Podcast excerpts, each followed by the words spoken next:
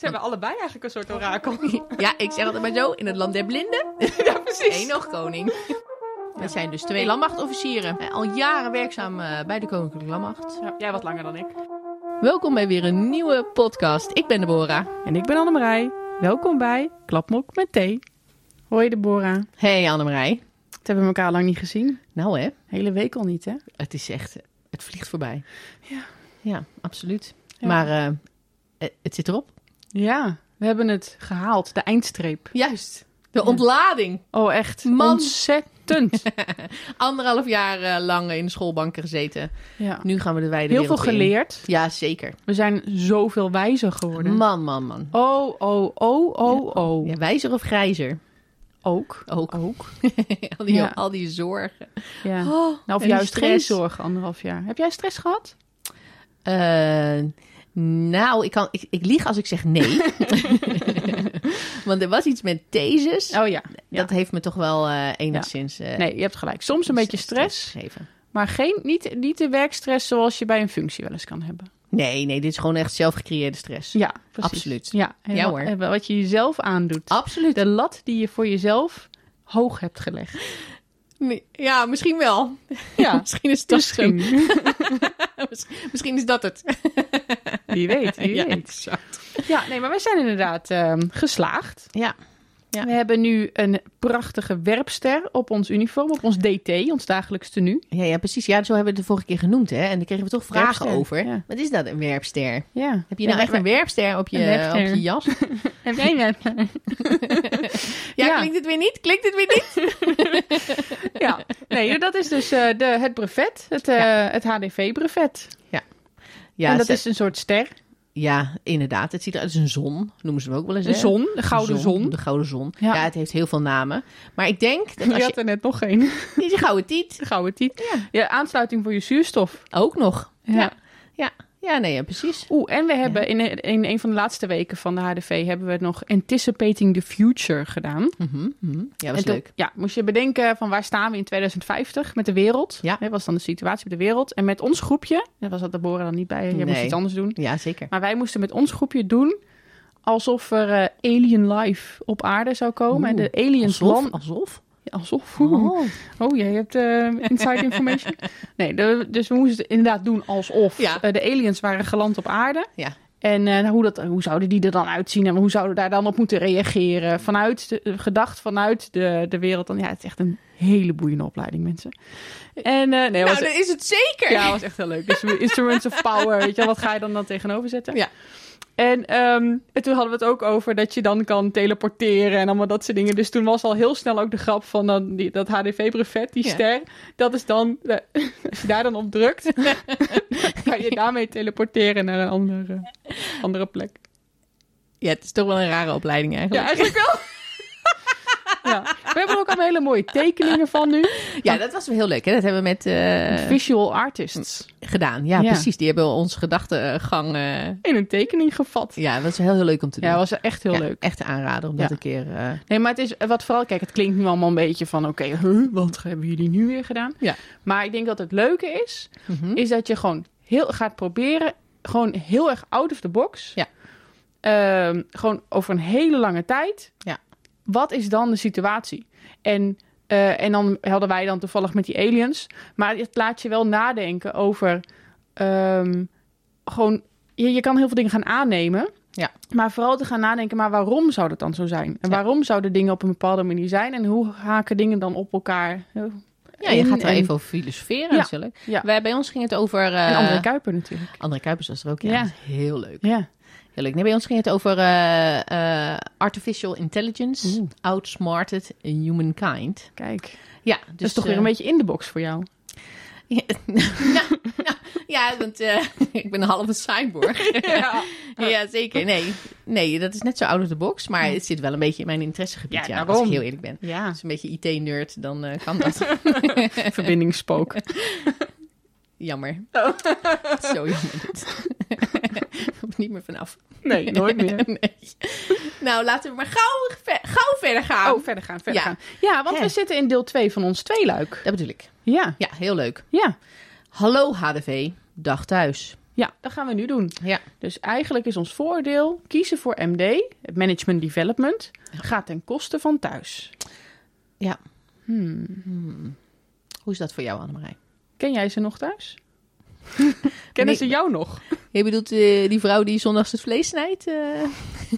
Dat ben jij, hè? ja. Nou, nee, dat ben ik niet. Nee. Dat ben ik niet. Nee, nee maar ehm, ik vind het wel een serieus onderwerp om even over. Oh. goed over. ja, ik zeg oude mensen weten niet wat er gebeurt, maar ik stoot mezelf. kan je niet doen, hè, de podcast. Nou, het, het is gewoon een reactie. Ik kan er niks aan doen.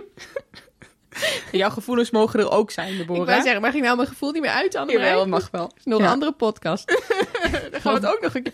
Oeh, oeh, wat een mooie brug. Ja. Oeh, want zeggen macho's ook wel eens oud. Ja, dat is waar. Ja, we zijn nu heel lach gaan doen, maar het was natuurlijk een hoop ophe- ophef hè, Ach, afgelopen weekend. Nee, dit is niet afgelopen weekend. Nee, het weekend Een paar ervoor. weken geleden. Ja, ja, precies. Zo hard gaat dat. Dat was alweer een paar weken geleden. Ja. Eh, eh, twee, eh, twee dagen achter elkaar artikel Ja. in de krant over hoe het bij Defensie gesteld is met vrouwen en de macho-cultuur. En hoe we daar dan in, wel of niet in passen. En niet zulke goede dingen. Nee, zeker niet. Zeker niet. Maar daar wil ik nu niet eh, te veel bij stilstaan, Nee. ik, ik- maar ik stel wel voor dat we daar eens even lekker een, eh, een volgende aflevering over gaan uitweiden. Ja, dat wordt een aflevering aan zich. Yes. Ja, waarbij we lekker een beetje zo... eh, Op Nou. inhaken. ja, een beetje... Dan kunnen we eindelijk weer over de mariniers hebben. Bijvoorbeeld. Over de marinierskalender. Ja. En wordt ook nog genoemd in het artikel daarom. trouwens. Daar kunnen we ook dat, nog even sta- naar, dat de staatssecretaris er ook zo van houdt. Van Ja. de marinierskalender. Misschien kunnen we er wel interviewen. Dat zou ik leuk vinden. Ja, maar niet, niet te veel eh, nu hooi op je vork nemen. Oh nee, Want, misschien eh, wil ze wel helemaal niet. Wil ze helemaal niet, nee. Nee, dat zou ook nog kunnen. Maar eh, nee, maar dat soort dingen. Ja. En eh dan gaan we daar nog een keer helemaal over hebben en hoe wij erin staan. We hebben natuurlijk in onze eerste aflevering ook al gekeken naar eh, wat, hoe wij denken dat, we- ja, wat onze plek is in de organisatie eigenlijk. Hè? Passen Ja. we in deze organisatie? Nou, wij waren denk ik best wel positief. Ja, en zeker. dat wij ons wel op onze plek voelen. Ja. Maar eh, ik denk dat er genoeg dingen in die artikelen zaten waar we het gewoon eens even Waar we op aan kunnen Ja, haken. waar we Ja. het eens even over kunnen hebben. Zeker weten. Ja. Ja, Dus- dus leuk. Ja, gaan we doen. Maar even terug naar, eh, naar, Ja, naar nu. Hè. balans. In- ja, de balans met thuis. Hè. Dat is Ja. natuurlijk ook een van de vooroordelen die je natuurlijk veel hoort. Ja. Is, eh, ja, dan kies ik voor de HDV en dan zie ik thuis niet meer. Nee, dan ben ik in het weekend en ben ik huiswerk aan het maken en de rest van de week zit ik daar een beetje in Breda. Nou, ik, v- ik moet wel zeggen, als ik aan dit thema denk, denk ik eigenlijk aan de, aan de introductiedag Ja. van, de, van, de, van, de, van de module landoptreden. De MLO Ja. die we wel eens vaker Ja, hebben. in benoemd. Amersfoort. Ja. Toen kwamen we daar eh, met z'n allen. Dat was toen al in oktober of zo, of niet? Ja, toen we naar Duitsland gingen. Nee, nee, nee, dat was toen met de familie erbij. Dat was zo 13, ik weet het, 13 december. Oh, die dag. Oh ja, dan Ja. mocht de partner mee. Ja, Ja. en toen, eh, toen, werden we begeleid eh, door een externe bureau, hè, wat, wat zich bezighoudt met de beroeps, beroepsontwikkeling. Beroepsgerichte Ja, persoonlijke ontwikkeling, BPO. Juist. Al die afkortingen. Het Ja. is niet de afkorting, hè? Dat is hem niet. Dat Nee. komt nog gewoon een hele mooie. Ja, ja, daarom. Ehm, maar het mooie daarvan was dat wij eh, hè, voorgesteld werden. En eh, dat werden we gedaan aan de hand van een aantal vragen. Dan moesten we een lat gaan staan van 1 tot 10. Hoe, in hoeverre dat dan van toepassing was. Maar er kwam ook een vraag ehm, of je getrouwd was of eh, dat je gescheiden was. Ja. En wat mij opviel, en niet alleen mij, maar ook eh, eh, de vrouwen van, van de mannen bij ons in de klas, ja. was dat alle docenten die we hadden in de categorie gescheiden vielen. Ja. En wij niet.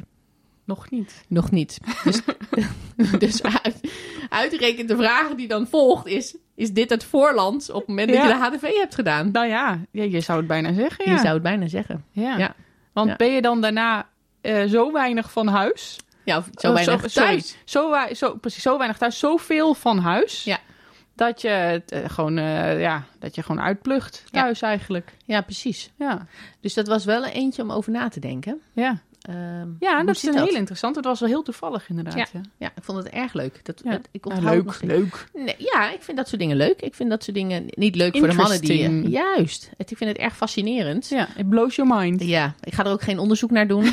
ik heb eh, gen- genoeg eh, energie besteed aan een thesis en zo. Ja. Maar ehm, ik vond het wel heel eh, intrigerend om te zien dat het zo was. Ja. Ik kan er ook geen conclusies aan verbinden Nee. hoor. Hoeft helemaal geen relatie te hebben met elkaar. Het kan eh, maar het was opvallend. willekeurig zijn, maar het was wel heel leuk. En het past wel heel leuk bij het thema wat we nu hebben. Ja.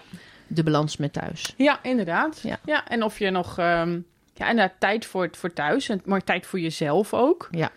Ehm, kan je ook, maar ik denk, wat ik ook wel heel leuk vind, ehm, hè, wat moet je er dan precies voor laten? Maar kan je ook nog wel voldoende jezelf zijn?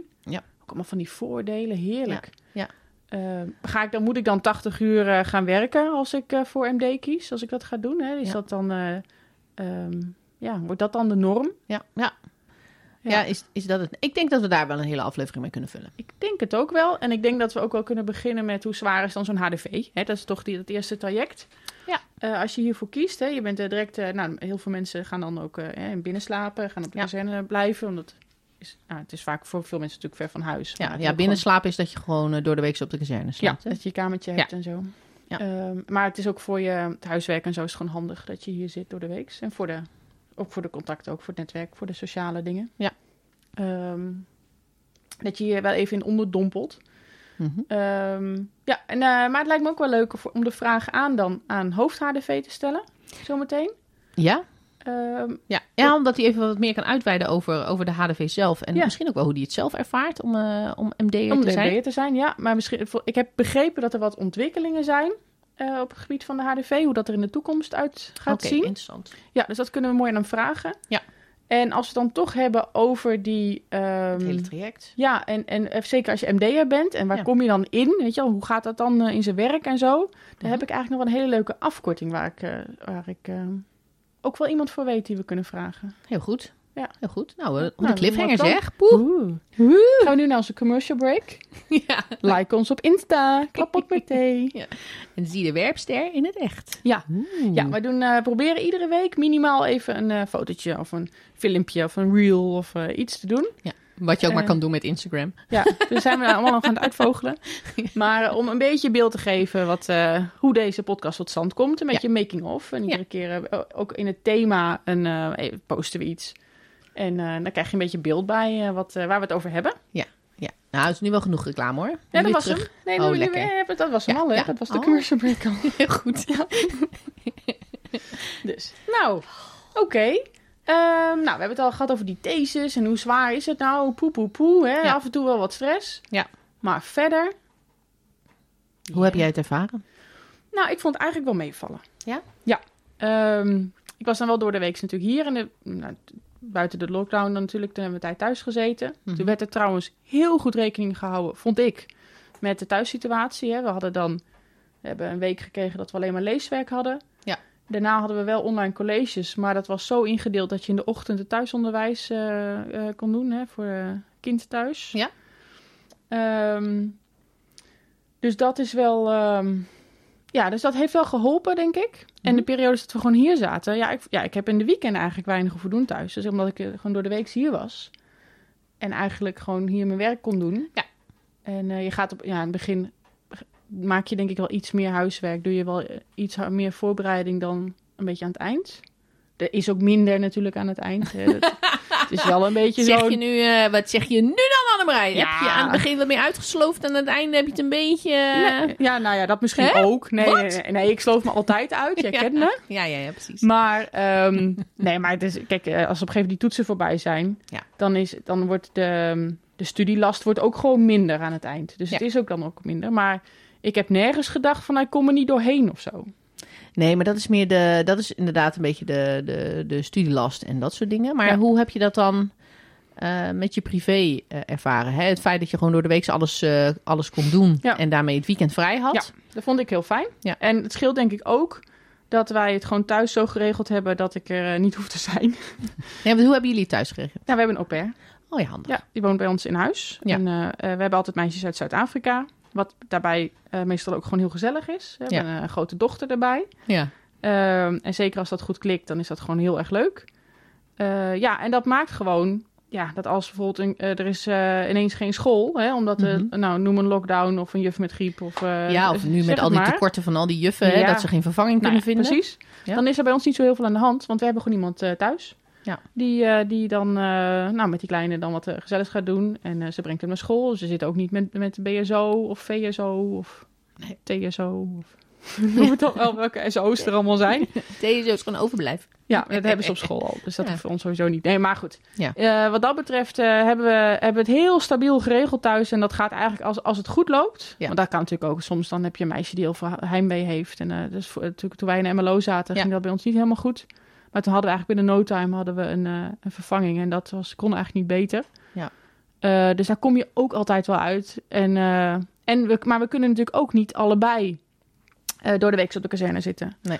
Of dat één iemand binnen slaapt en de ander op uitzending is of zo. Er moet wel altijd iemand, één van ons tweeën, hè, Ja. van mijn man en mij, er moet, eh, ehm, er moet in principe iedere dag gewoon naar huis. Ja. Dus dat is ook iets waar je ook waar, vanuit de organisatie wel, waar wel rekening mee moet worden gehouden. Maar heb je wel het idee dat er wel eh, rekening mee gehouden kan worden? Wordt die ruimte Ja, gegeven? ja, tot nu toe wel. Ja? Ja. Is er wel be- begrip voor? Ja, ja zeker. Ja, ja, dat is bij ons ook echt wel gebeurd toen ik eh, mijn, eh, de functie voordat ik naar de HDV ging, wat ik toen ging doen. Mhm. Mijn man was toen binnenslapen. En ik zou toen naar Utrecht gaan. En ik wist dat ik daar een functie kreeg waarbij ik nou, veel ging werken en veel op pad zou zijn. Ja. Dus dat was eigenlijk geen optie. Dat hij dan. Toen hadden we nog geen au trouwens. Ja. Maar dat in combinatie met dat hij binnenslaper was, dat was gewoon, eh, dat was, was gewoon eigenlijk niet te doen. Dus toen heeft hij uiteindelijk een andere functie geweest. Heeft hij mij opgevolgd op mijn, Ja. functie die ik toen had. En dan kon ik toen naar Utrecht en me daar ook focussen. Die, Ja. Op die, eh, nou ja, en met alle tripjes die we toen hadden, was er eigenlijk ook geen probleem. Nee, dus eigenlijk zeg je dat, eh, dat de balans werk-thuis eh, met de HDV eigenlijk niet veranderd is. Voor ons niet. Nee, Nee. Omdat je het eigenlijk daarvoor ook al zo eh, wist te regelen. Hadden we het eigenlijk al, ja, we hebben het heel, we hebben het, ja, we zijn met een au pair begonnen toen mijn man op uitzending ging. Ja. Omdat ik toen nog steeds die drukke functie had. En, eh, maar goed, hij wilde natuurlijk ook heel graag die uitzending doen die op, die op zijn pad kwam. Nou, dat Ja. eh, gunde ik hem ook heel erg. En met, al met het oog op, ik wil straks naar de HDV, zijn wij toen begonnen met een au pair. Ja. En dat Ja. bevalt gewoon heel erg goed, omdat het ons heel veel rust geeft. Ja. Dat is denk ik wel het belang, belangrijkste. Hè? Dat je, dat je zoek, zoek, op zoek gaat naar een oplossing die bij je past. Ja. Eh, en inderdaad die rust geeft die je nodig hebt om, eh, om die balans... eh, Exact, dat is het, dat is, hebben. is het voor mij wel heel Ja. erg. Ja. Ja. En bij jullie dan? Nou, we hebben geen au pair. We hebben geen au pair. Je hebt gewoon een hele goede man. Ja, dat, dat sowieso. Ja. Dat sowieso. Nee, eh, ja, maar ik moet zeggen, ik zeg dat sowieso grappig, grappig, maar het is wel waar. Want ik merk wel dat de keuze die eh, ik maak om naar de HDV te gaan, dat is ook niet mijn keuze, maar dat is echt wel onze keuze. Ehm, want eh, dat heb ik volgens mij in een van de eerste afleveringen ook al, ook al aangegeven. Het, het kiezen voor de HDV, eh, ja, dat doet wel wat met je gezin. En dat doet wel wat met je thuissituatie. Van, voor mij betekent het namelijk ook dat ik eh, een jaar lang eh, in Breda dan, het gedeelte in Breda, een jaar eh, ga binnenslapen. En dat je dus niet een eh, direct onderdeel eh, meer bent van het gezin. Ja. Dus met andere woorden, alles, alles met die, met, in mijn geval, ik heb twee jongens. eh, ja, val- vallen we terug op, eh, op mijn man. Ja. En eh, ja, die moet dat wel doen en die moet dat wel combineren. En nu Die moet we... ook gewoon werken iedere dag. Ja, ja, ja. Hij werkt natuurlijk ook, ook bij Defensie. Is ook militair. Maar ik moet zeggen, wij kiezen ook altijd voor de, voor de combinatie. Als de ene wat meer operationele functie heeft, hè, met veel oefeningen of, of wat dan ook, dan heeft de ander een wat, eh, wat rustigere Ja. functie. Of in ieder geval een meer planbare functie, Ja, laat ik het zo zodat zeggen. diegene iedere dag thuis is. Ja, ja, dat hij voor de, voor de hè, in ons geval voor de jongens kan, eh, kan zorgen. Mijn jongens zijn eh, iets ouder. Ehm hij zit in groep 7, 8, zijn, zijn iets, iets zelfstandiger. En wij hadden tot voorheen eigenlijk alleen nog maar de, de voorschoolse opvang, zeg maar. Omdat Ja. je ze natuurlijk niet ochtends vroeg al eh, wil... eh, Helemaal alleen laten. ja, ja, precies. Maar daar, daar werden ze helemaal niet gelukkig van Nee. eigenlijk. Want wat je ziet is dat ze dan in groep 7, 8 zitten. En in de voorschoolse opvang waar zij zaten, zaten veel kleine kinderen. Ja. Eh, dus ze voelden zich ontzettend misplaatst. Ehm, ja, en, en toen heeft eh, Patrick in overleg eh, met het werk gezegd van... nou luister, ik begin, ik begin thuis. En natuurlijk door corona maakt het allemaal wat makkelijker. Ja. Hè? Dan kun je ook een beetje gaan experimenteren. Wat werkt wel, wat werkt niet. Welke verantwoordelijkheid kan ik wel bij je kind neerleggen... en wat kan ik nog niet Mhm. eh, bij ze neerleggen. Ehm, maar hebben we er in ieder geval voor gezorgd dat hij dus altijd thuis begint. Eh, de jongens gaan naar school en dan rijdt hij door. Dus dan heeft hij mail en dat soort dingen. Allemaal praktische zaken die je ook gewoon thuis kan doen. Hè, wat het thuiswerken, wat we in de afgelopen tijd ook wel een beetje uitgewezen Mhm. heeft. Dus dat je ook heel veel dingen vanuit huis kan Ja. doen. Ja, dat is ook heel Ehm, fijn. Ja, nou ja, precies. Dus dat helpt wel, hè? Ja. Ehm, en dan gaat hij naar zijn werk en, en doet zijn ding. En de jongens die komen eh, s smiddags thuis. Zijn eh, een half uurtje max alleen. Eh, en, eh, ja, en mijn man is dan onderweg naar huis. Ja. En, die, eh, en die maakt de dag dan verder thuis af. Ja. Ehm, maar dat is wel lastig. Kijk, dat is een keuze die hij maakt. Want eh, hè, ze kunnen ook gewoon naar de BSO gaan. Eh, waardoor je dat er allemaal wat verder afgevangen heeft. Maar Mhm. wij hebben ervoor gekozen om een beetje langzaam die zelfstandigheid erin te krijgen. Ze moeten volgend jaar, naar, gaat, de, eh, gaat de oudste naar het middelbaar onderwijs. ja. Kun je ook niet meer de hele dag thuis zitten. Nee. Je zou het liefst eh, thuis zitten en hem opvangen als hij weer thuis komt. Maar dat gaat niet, want Nee. ze- ook zij hebben natuurlijk andere tijden. Ehm, dus ja, zo hebben we een beetje geprobeerd, zijn we die zelfstandigheid op, op laten gaan. Maar daarmee heeft mijn man wel een, ja, een, extra, een extra druk op zichzelf neergelegd. Doordat hij Mhm. natuurlijk veel meer voor zichzelf de balans moet gaan zoeken met, met zijn werk.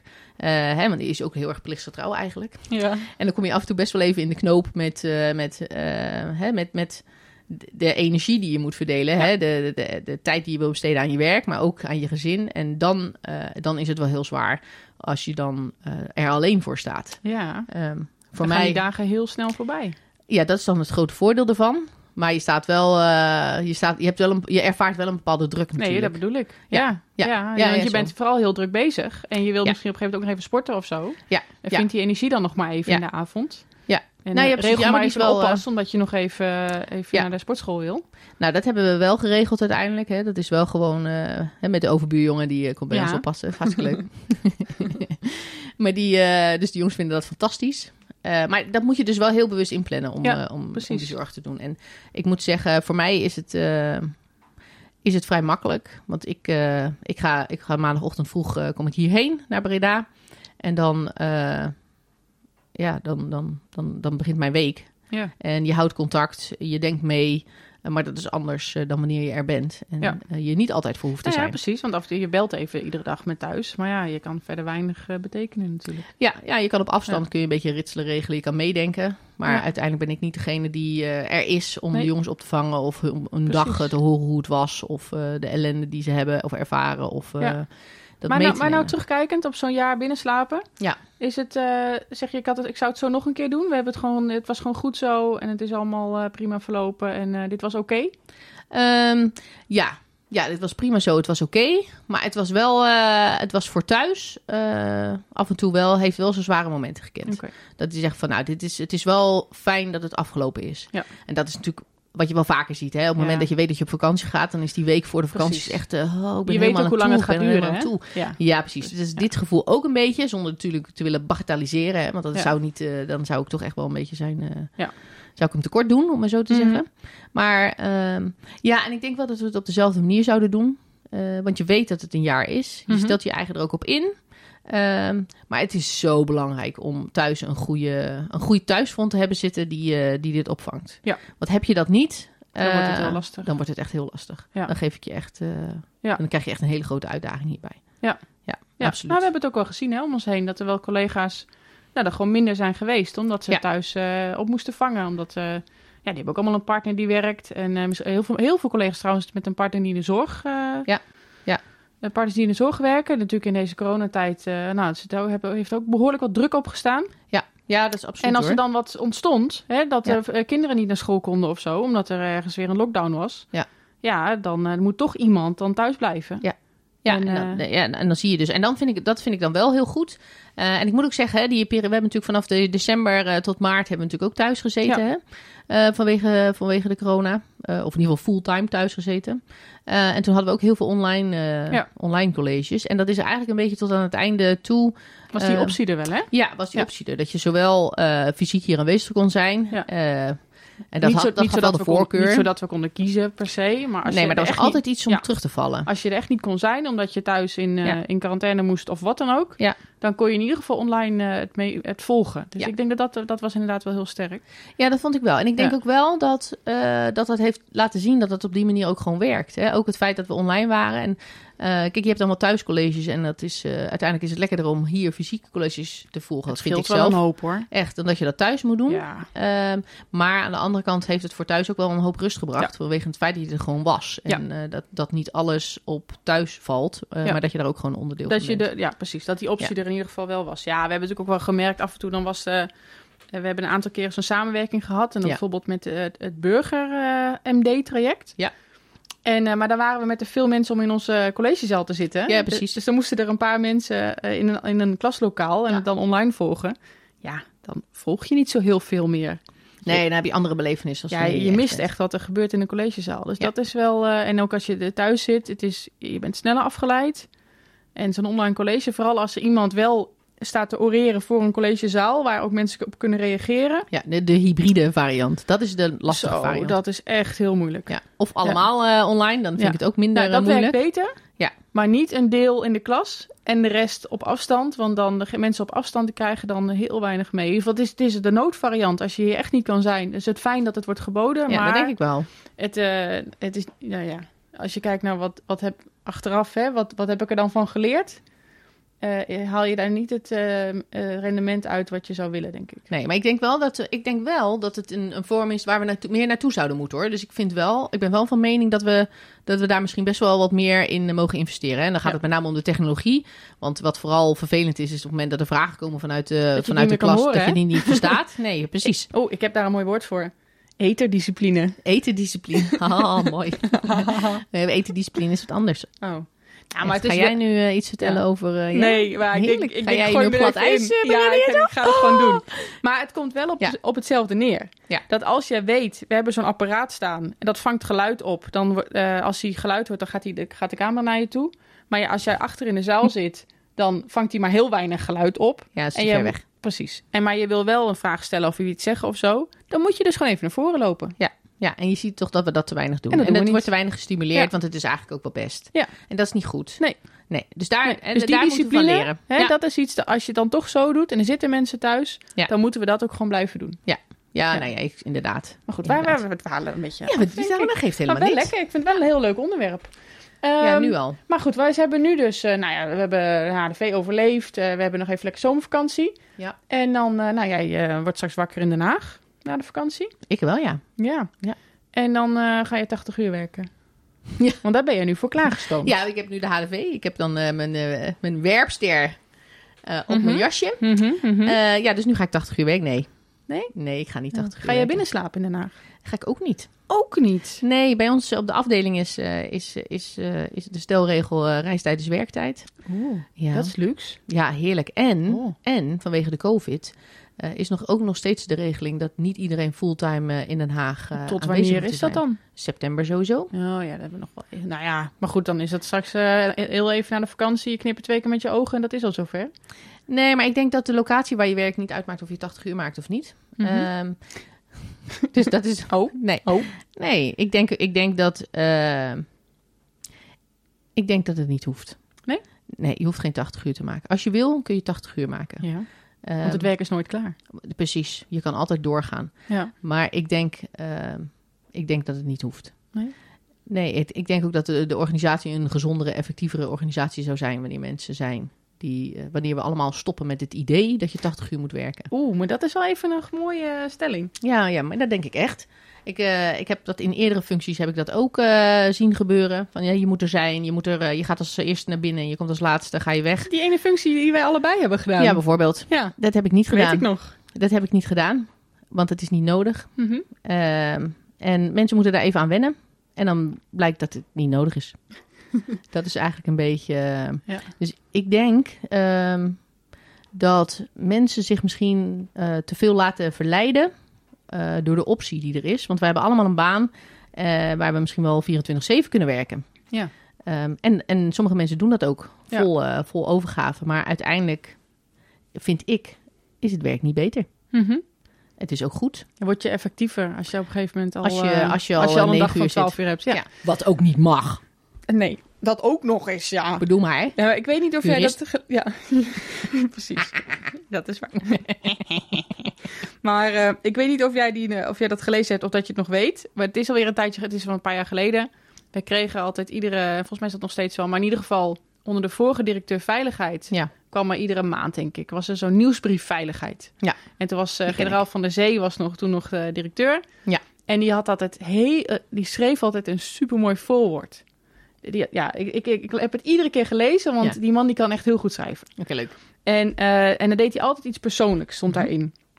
En hij heeft één keer heeft hij een voorwoord geschreven precies over dit onderwerp. Ja. En hoe we elkaar gek maken Precies. in eh, het maken van die lange dagen als laatste weggaan. Ja. Oh, zie mij nog eens hier om elf uur 's avonds zitten, want ik heb het zo druk. Oh, poe, poe, poe. Ja. En of we eigenlijk wat we ze- onszelf aan het aandoen zijn. Dat was een beetje zijn boodschap. Ja, maar, ik denk, maar dat denk ik echt. Ik denk echt dat we dat, eh, eh, dat we dat onszelf aandoen. En, en natuurlijk zijn er momenten hè, waarin, eh, waarin je een keer wat langer door moet werken. Of Ja. omdat er eh, bepaalde omstandigheden zijn. Of Mhm. eh, dat er iets gebeurt in de wereld waarop we moeten reageren. Of noem het. Ja. En dat je een keer een lange dag maakt. Mhm. Dat snap ik. Dat is prima.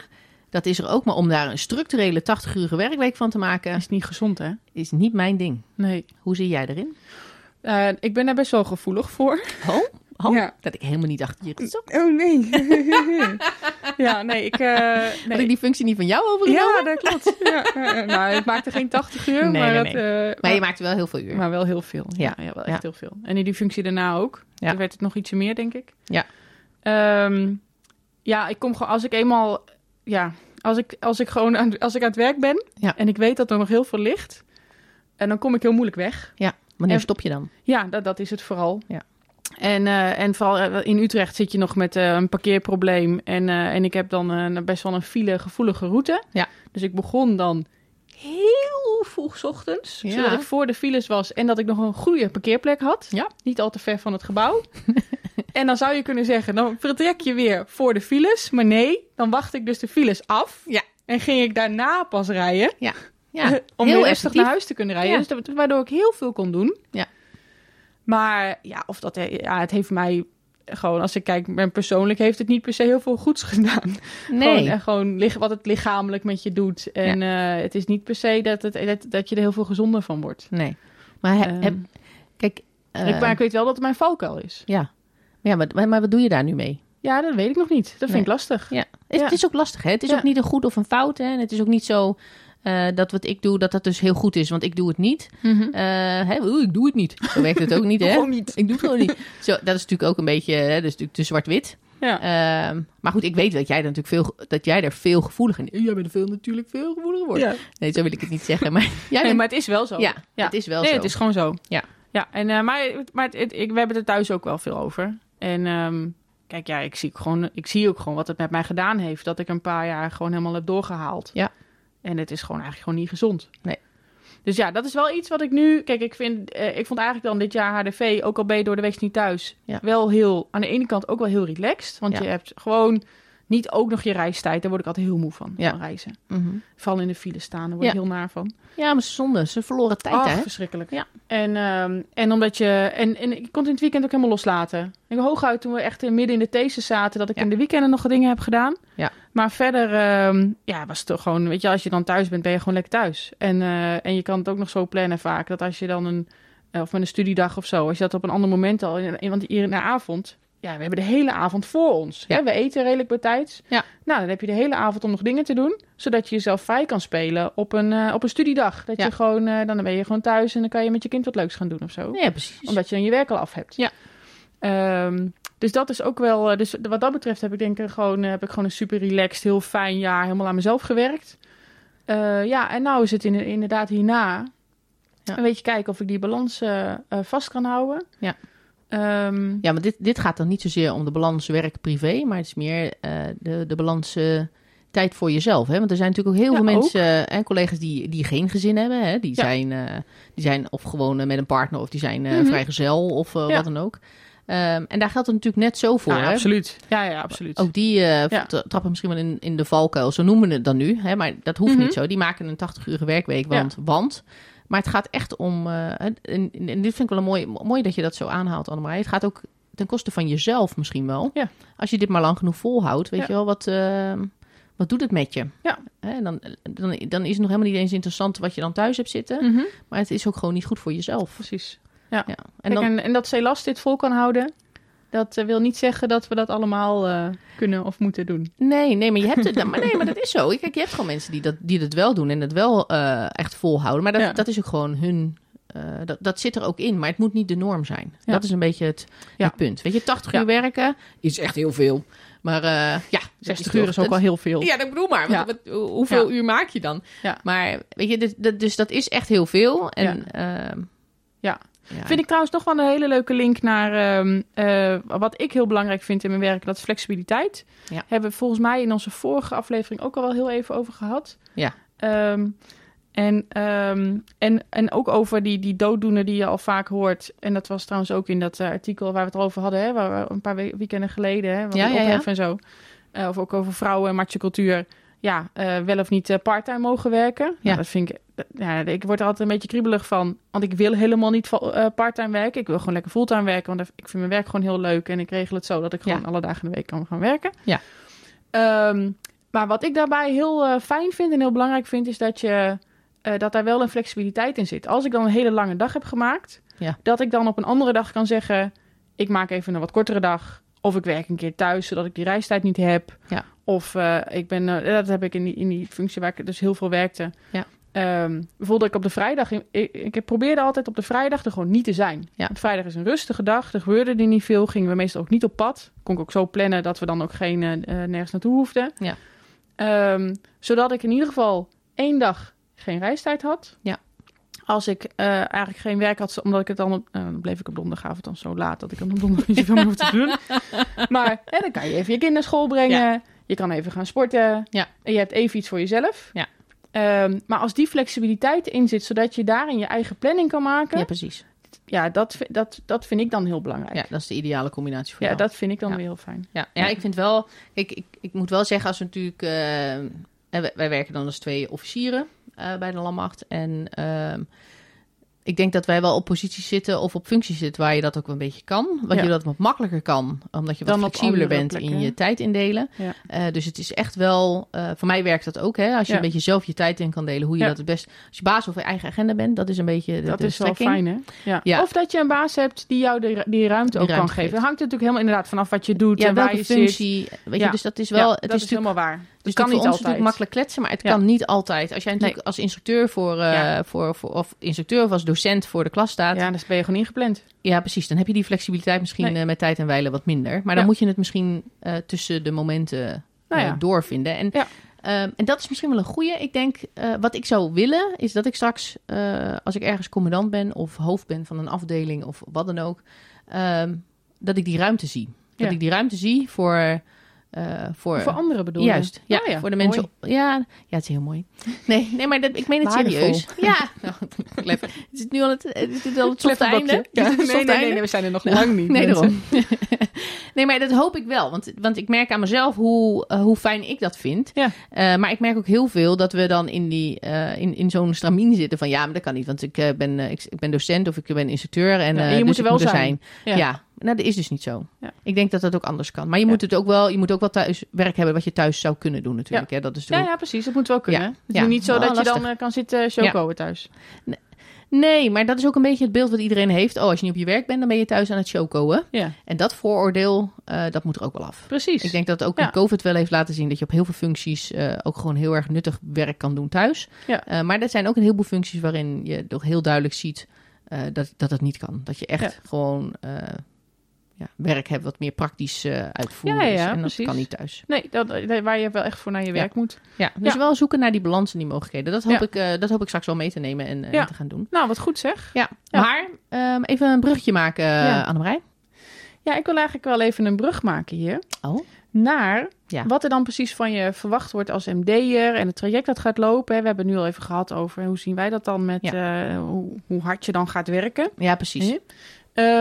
Maar eh, ik heb wel eens, eh, ik hoor wel eens eh, mensen die dan net iets verder zijn dan wij. Ja. We zijn net van de HDV af. Ehm, dat, dan moet je naar de RVA. Juist. De mensen die, die je nu in de gaten gaan houden. Nou, precies. Ja. Ja. Uh, dan je in, principe wordt in de gaten gehouden. Juist. En, eh, dus er zijn mensen die gaan ook er iets van vinden. Ook dat. Van die uren die je maakt. Of in ieder geval hè, van hoe effectief je bent en hoe je jezelf ontwikkelt. en naar wat voor functies je dan moet gaan en zo. Dat is een beetje wat ik ervan begrijp. Ja. Maar ik denk dat we. Dit trekt onze afkorting hè, van deze aflevering. Ja, ga je hem nu vertellen? Ja, RVA. RVA. Ja. De Raad van Advies. De Raad van Advies, precies. En ehm, nou, een generaal waar ik dan in mijn vorige functie voor gewerkt heb. Ja. Eh, eh, toen was hij eh, plaatsvangend commandant uh. Zeker. de generaal Matthijssen. Ja. die gaan we even, even bellen. Ja. En dan gaan we hem vragen, wat is dat nou precies, die RVA? En hoe werkt dat dan? Ja, leg ons dat eens uit. Ja. Nou, laten we, laten we overschakelen, Annemarij. Ja, hier komt hij. Generaal, RVA, waar staat het eigenlijk voor?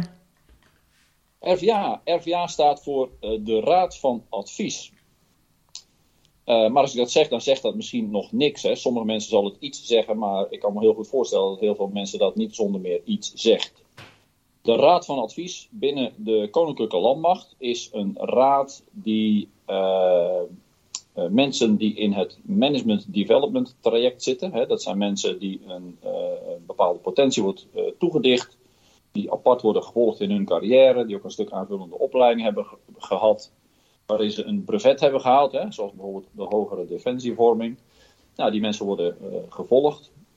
Uh, en die komen een aantal jaren uh, nadat ze het brevet hebben behaald voor het eerst aan de orde in de Raad van Advies. Um, en in die raad, misschien om even te zeggen, iets te zeggen wie daar dan zoal in zit. De raad staat onder voorzitterschap van de plaats van commandant landstrijdkrachten. Wat u ook bent geweest? Dat ben ik ook geweest. Ik heb dat 2,5 jaar mogen doen. Um, dat is buitengewoon leuk om te doen. Uh, want het gaat echt over mensen, weet je wel. En dat we echt, echt kijken ontwikkeling. En dat we in de raad ook komen tot uh, adviezen voor die mensen. Omdat je natuurlijk als organisatie wil kijken van nou, hè, komt die potentie tot uiting? Uh, en hoe kunnen we nou die mensen misschien nog wat adviezen geven? of kijken naar adviezen op gebied van plaatsing om talenten en potentie wat verder te ontwikkelen. Met natuurlijk uiteindelijk de achterliggende gedachte dat dit potentieel onze topmanagers voor de toekomst ook zijn. Dus in plaats van commandant landstrijdkracht zit de raad voor. En in de raad zitten een groot aantal brigadegeneraals van de landmacht. Ehm, dat zijn mensen, voor de mensen die niet weten wat een brigadegeneraal is, die eigenlijk in de eerste generaalsrang zitten. Dus onze één-ster generaals. Dat is een één ster generaal, inderdaad. Zo wordt hij ook wel genoemd. Ja, ja, ja. Eén roffel. Uh, ja. En die uh, brigadegeneraals, dat zijn niet alle brigadegeneraals van de landmacht, maar dat zijn er wel een behoorlijk aantal. Dat zijn er toch wel een stuk of tien. Uh, maar dat zijn brigadegeneraals die eigenlijk overal in de organisatie geplaatst zijn. Dus de brigadegeneraals die in Den Haag geplaatst zijn, bij de directie of Defensie Materieelorganisatie bijvoorbeeld, bij het Defensie Ondersteuningscommando, in de bestuurstaf, in de defensiestaf. Er zitten brigadegeneraals die in de staf van de landmacht werken. er zitten brigadegeneraals die brigadecommandant zijn. de directeur personeel zit erin. de commandant van het opleidings- en trainingscommando.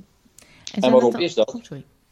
Zijn dat dan ook generaals die. Ja? Uh, een, is het zeg maar een soort van mooie verdeling tussen de wapens en de dienstvakken? Of ligt, het, ligt de nadruk meer op dat die generaals zeg maar de gehele organisatie vertegenwoordigen om een goed beeld te krijgen van de mensen die voor uh, liggen bij de Raad van Advies? het is eigenlijk en-en. Okay. het is vooral zeg maar dat de, de, de breedte van de organisatie zo'n beetje vertegenwoordigd is. Hè? In ieder geval vanuit de landmachtgeneraals. Maar we kijken ook wel inderdaad naar wapens- en dienstvakken. En mocht een bepaald dienstvak niet vertegenwoordigd zijn, en dat kun je bijvoorbeeld wel eens hebben met technische bevetten. Ja. En met zoveel generaals met een technisch bevet zijn er ook niet altijd. en ook misschien niet zoveel kandidaten met een technisch bevet. wat we dan doen in de raad is dat bij de behandeling van iemand met een technisch bevet de zogenaamde dienstvak oudste, en vaak is dat een generaal van dat dienstvak, ja. erbij zit. Uh, om uh, nou ja, eigenlijk een soort tijdelijke zitting in de raad te hebben bij de behandeling van een kandidaat van dat dienstvak. Ja, precies. Zoals bij de juristen bijvoorbeeld. Ja, bijvoorbeeld bij de, bij de juristen. Kijk, en de, de raad die kijkt dan naar een dossier van iemand. Ja, het hele dossier wordt uh, door iemand zijn carrière gevolgd en dat bouwt zich steeds verder uit, zeg maar. Er komen beoordelingen bij of vastleggingen van functioneren met een ambtsbericht, et cetera. Dat dossier bouwt zich op. De raad kijkt naar dat dossier, kijkt hoe iemand zich ontwikkeld heeft uh, en kan tot een advies komen. Maar ik zie dat er een vraag is. Ja, zeker generaal. Ik heb, uh, ik heb weer een vraag. Dat dossier ja. wat, uh, wat opgebouwd wordt, wordt dat bijvoorbeeld wordt dat voor mij gedaan of heb ik daar zelf ook invloed op? Kan ik zelf ook iets in het dossier stoppen? Um, nou, dat is een goede vraag. Um, dat dossier dat wordt bijgehouden. Hè. Ja. We hebben binnen Landmacht ook een bureau Management Development, die eigenlijk de, het hele segment van Management Development mannen en vrouwen beheert. Uh, dat is eigenlijk de personeelsorganisatie voor de, de management development mensen. Die bouwen dat dossier op. En dat dossier wordt opgebouwd door nou, bijvoorbeeld beoordelingen die van je opgemaakt zijn, ambtsberichten, et cetera. Nou, het is niet zo dat je daar zelf inhoudelijk iets aan kan toevoegen. Maar je hebt wel een verantwoordelijkheid om uh, dat dossier ook uh, eens een keer te bekijken. Uh, en bijvoorbeeld voordat je in de raad wordt behandeld, wordt er ook aan jou gevraagd van kijk even naar je dossier, is het compleet? Ja. Er staat alle beoordelingen erin, zitten tevredenheidsbetuigingen erin, gratificaties. En als er iets ontbreekt ehm, en jij zegt van nou, ik heb toen en toen een, een tevredenheidsbetuiging gehad met een mooie waarderingsreden erbij, maar dat zie ik niet terug. Nou, dan wordt het aan het dossier toegevoegd. Mhm. Dus je hebt wel een verantwoordelijkheid zelf om ook uh, mee te controleren of het dossier compleet is. En dat is ook wel goed dat we dat doen. Ja. Uh, want soms komt niet alles door. En dat uiteindelijk, ja, nogmaals, dat bouwt zich steeds verder op door de jaren heen. Ja. Uh, dat is wel een belangrijk instrument. En inderdaad kijken we naar het dossier. Hè, hoe, hoe, heeft iemand zich ontwikkeld? En er wordt echt heel zorgvuldig gesproken over alle kandidaten aan de hand van het dossier. Aan de hand van het beeld wat mensen, wat die generaals die in de raad zitten, van iemand hebben. soms uit eigen waarneming. Ehm, en en de uitdaging is dan aan de plaats van de commandant, de voorzitter van de raad, om zeg maar aan het eind van de behandeling een, een samenvattend beeld neer te zetten. Ja. Uh, over de kandidaat in combinatie met eventueel een advies. Een advies om bepaalde competenties verder te ontwikkelen of misschien een bepaalde plaatsing in een bepaald domein te adviseren, omdat iemand zijn talenten daar verder ontwikkeld kunnen worden of omdat hij een bepaald domein wat minder ervaring heeft. Nou, ik heb wel eens de termen RVA 1 en RVA 2 gehoord. Hoe zit dat dan precies? Ja, Um, RVA 1 en RVA 2, uh, dat gaat over dezelfde RVA, maar dat gaat over het feit dat je uh, twee keer in de raad wordt behandeld als je in zeg maar, uh, het segment zit van de overste rangen in het Management Development traject. Ja. De eerste keer word je behandeld een paar jaar nadat je het brevet hebt gehaald. als je bijvoorbeeld hogere defensievorming hebt gedaan, dan is het over het algemeen nou ja, als je aan het einde of aan het begin ergens van je eerste overste functie. Um, en dan word je behandeld, wordt er gekeken naar je ontwikkeling, er kunnen adviezen uit voortkomen. En bij de eerste behandeling uh, wordt er een uitspraak gedaan over je commandantengeschiktheid. Okay. Op basis van het dossier, op basis van nou, wie is die kandidaat, waar is sterk in, minder sterk, wordt er een advies gegeven, is iemand geschikt om commandant te worden. Is dat dan, gaat het om elke willekeurige commandantenstoel of gaat het om hele specifieke commandantenstoelen waar, waar dan in de raad over gesproken wordt? Want ja, kijk, als, als je natuurlijk het MD-traject uh, inzit, dan zit je daar toch vaak als een hoofd van een afdeling of ben je ergens een commandant van een ja, van, van iets, hè, van een afdeling of wat? Of Ja. hebben we het echt over de grotere, zwaardere commandantenfuncties? Bataljonscommandanten. Nou, bijvoorbeeld. Ja, er wordt, er wordt eigenlijk in de raad eh, niet specifiek over functies gesproken. Hè. Dus ook bij de commandantengeschiktheid wordt er sec gekeken van nou, hier heeft iemand de competenties, de ervaring, eh, weet je wel, om, om eh, commandant te zijn. Ehm, waarbij de raad kan zeggen van nou, iemand is zeer geschikt, geschikt, minder geschikt of niet geschikt. Nou, niet geschikt komt echt heel weinig voor, gelukkig. Maar het kan voorkomen. En dat, heeft niet, dat wil niet zeggen dat iemand niet goed is, maar dat, dat gaat vaak om mensen die echt andere kwaliteiten hebben. Ja. Eh, en het is dus een oordeel in algemene zin over de commandantengeschiktheid. Dat kun je natuurlijk niet uh, los zien van het wapen of dienstvak wat iemand heeft. Nee. Ja, uh, een gebreveteerde die uh, van het wapen der infanterie. ja, dan praat je over commandantengeschiktheid om bataljonscommandant te worden, commandant van een infanteriebataljon. Mhm. Ja. Maar voor iemand van een ander wapen of dienstvak kan het gaan om een wapen-dienstvak geëigende functie in het wapen of dienstvak. Of we hebben ook commandantenfuncties uh, die meer van algemene aard zijn, waar we eigenlijk los van wapen of dienstvak uh, wel iemand zouden kunnen neerzetten met een bepaalde mate van geschiktheid. Ja, precies. Ja. Zo moet je dat eigenlijk zien. Ja. En we praten eigenlijk over de geschiktheid commandant op overste niveau. Ja. Over het algemeen. Ja.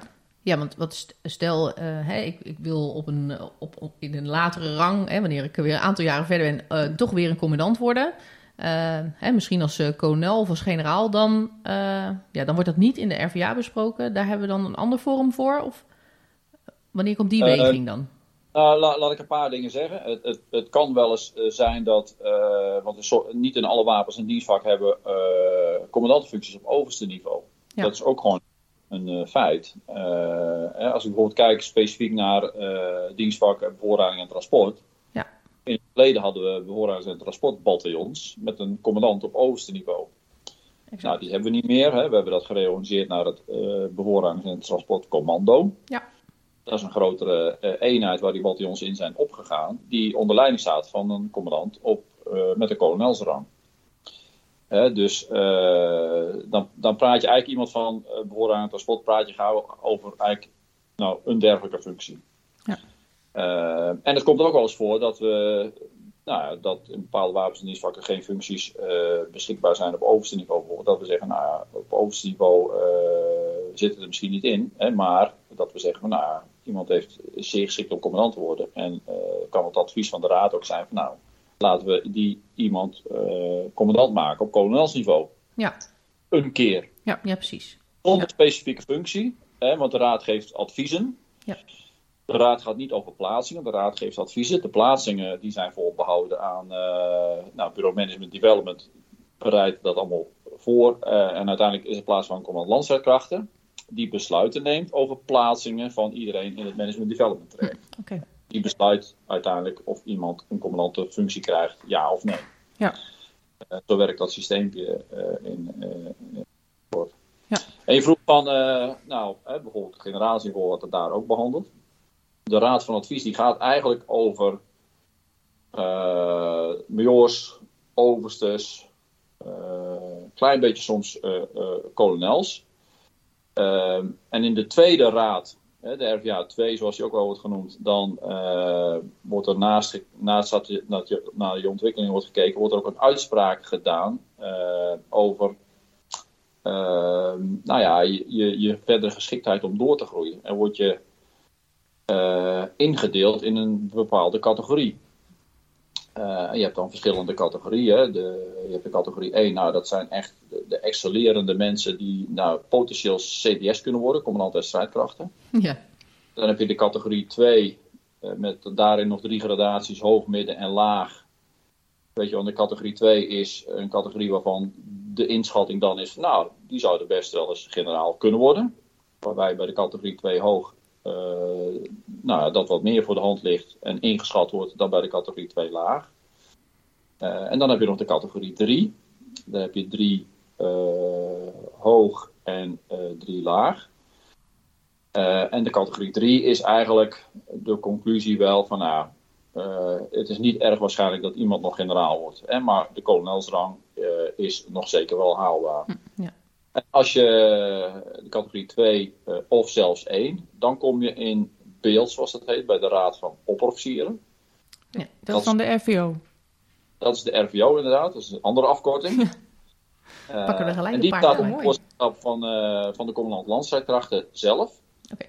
En in die raad zitten alle uh, twee sterren en alle drie sterren van de Koninklijke Landmacht. Baas ook zitten. Nou, dat gezelschap is niet zo groot. Nee. Uh, maar de, alle generaal-majoors, alle luitenant-generaals van de Koninklijke Landmacht, uh, die maken deel uit van de Raad van Opperofficieren. En Ja. de, de commandant landstrijdkrachten zit dat voor. En dat is een raad die praat over uh, nou, ja, kolonels dus.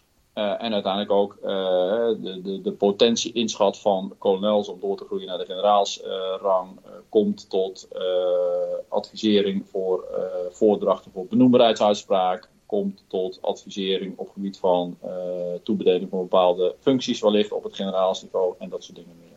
Ja. Nou, nou hebben we het in Is onze... dat een beetje beeld? Jazeker.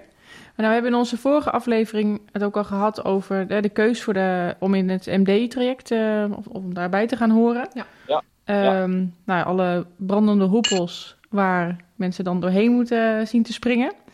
Um, die RVA 1 en die RVA 2, is dat dan, uh, ik heb ook wel eens gehoord dat daar iedere keer ook weer een assessment bij komt kijken en een ambitiebrief. En daar moet natuurlijk een heel dossier komen.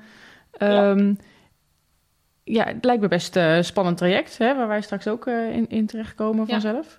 Ehm, is dat nou een kans? Of is dat nou een zwaard van Damocles dat er de komende jaren boven ons hoofd hangt?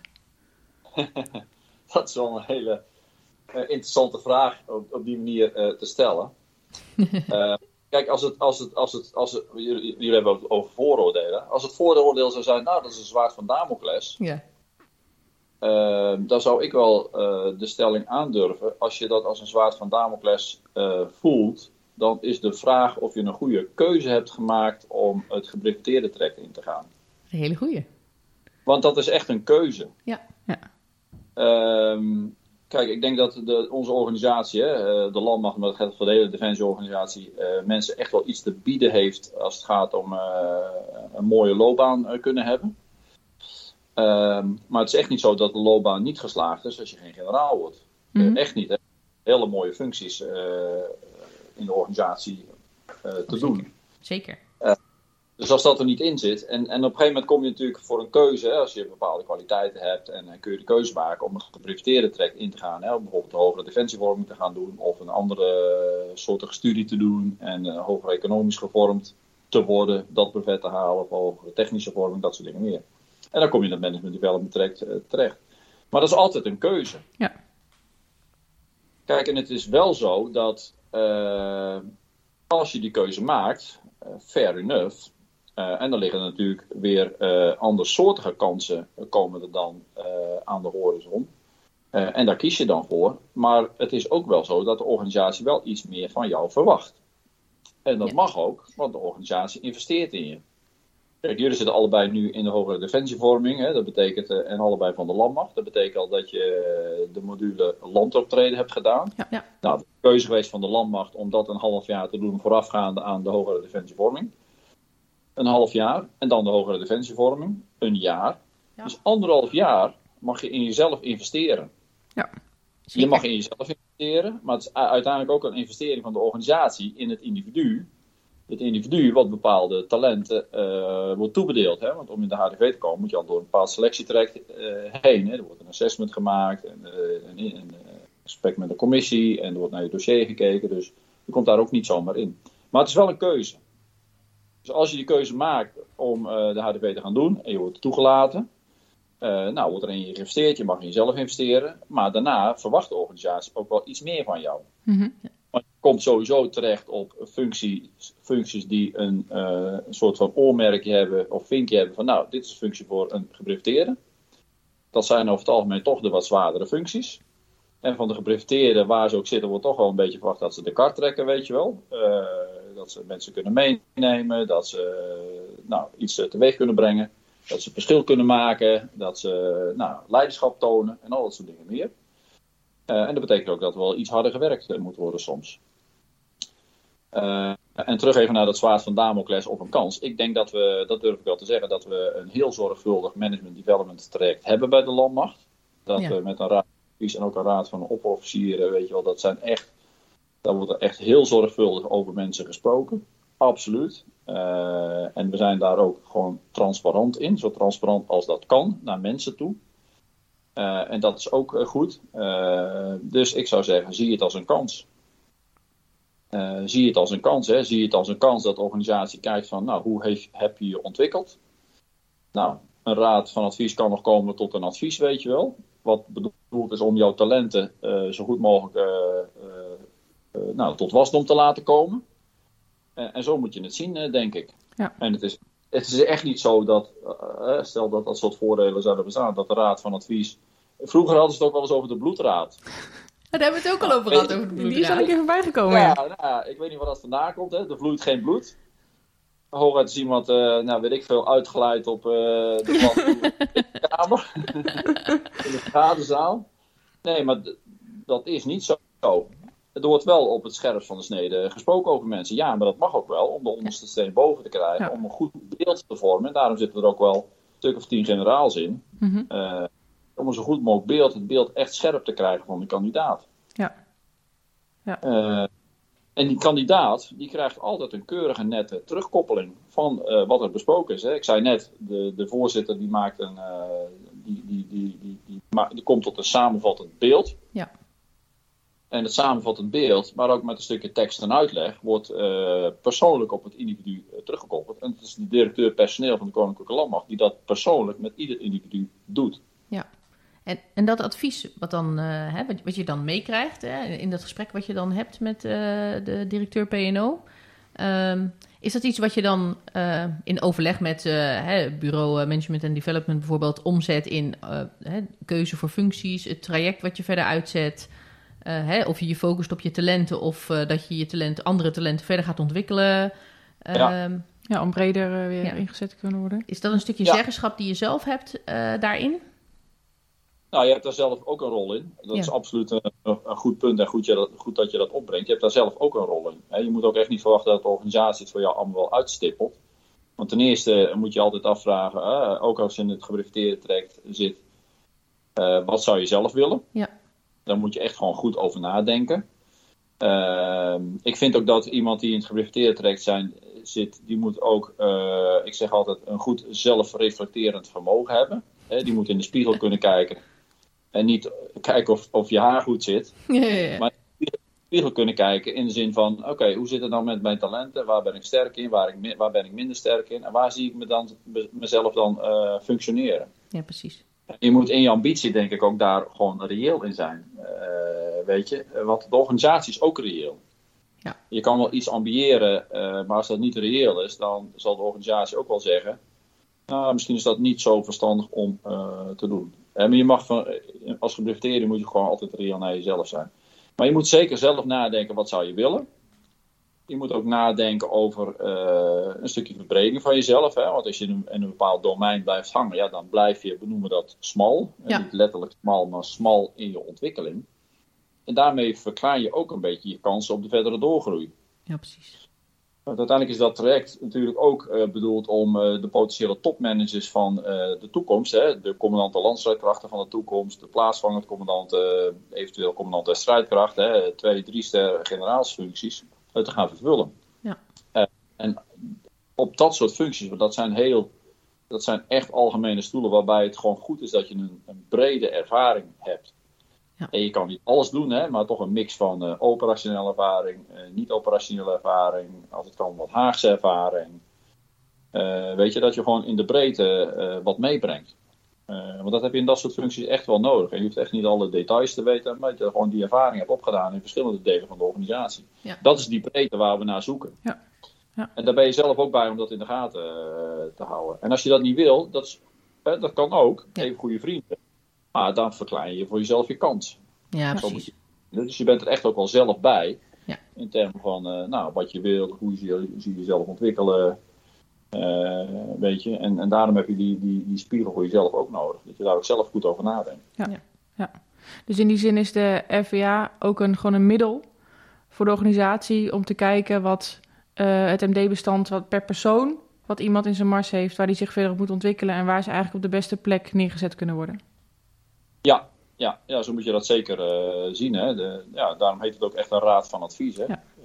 Basis van de bespreking kunnen ze komen tot advies over eh, competentieontwikkeling, misschien coaching, eh, advies op eh, mogelijke vervolgplaatsingen en dat soort dingen meer.